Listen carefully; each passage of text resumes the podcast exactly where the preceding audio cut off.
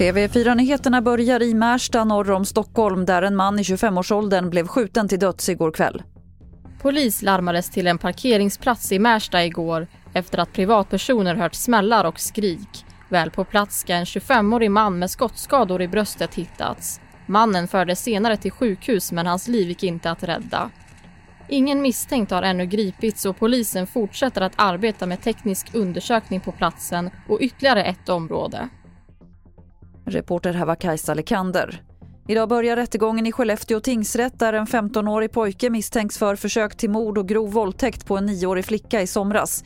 Enligt åklagaren var det bara tillfälligheter att flickan inte dog av sina skador eftersom hon utsattes för mycket grovt våld. Hon vårdas fortfarande på sjukhus och kommer få bestående skador.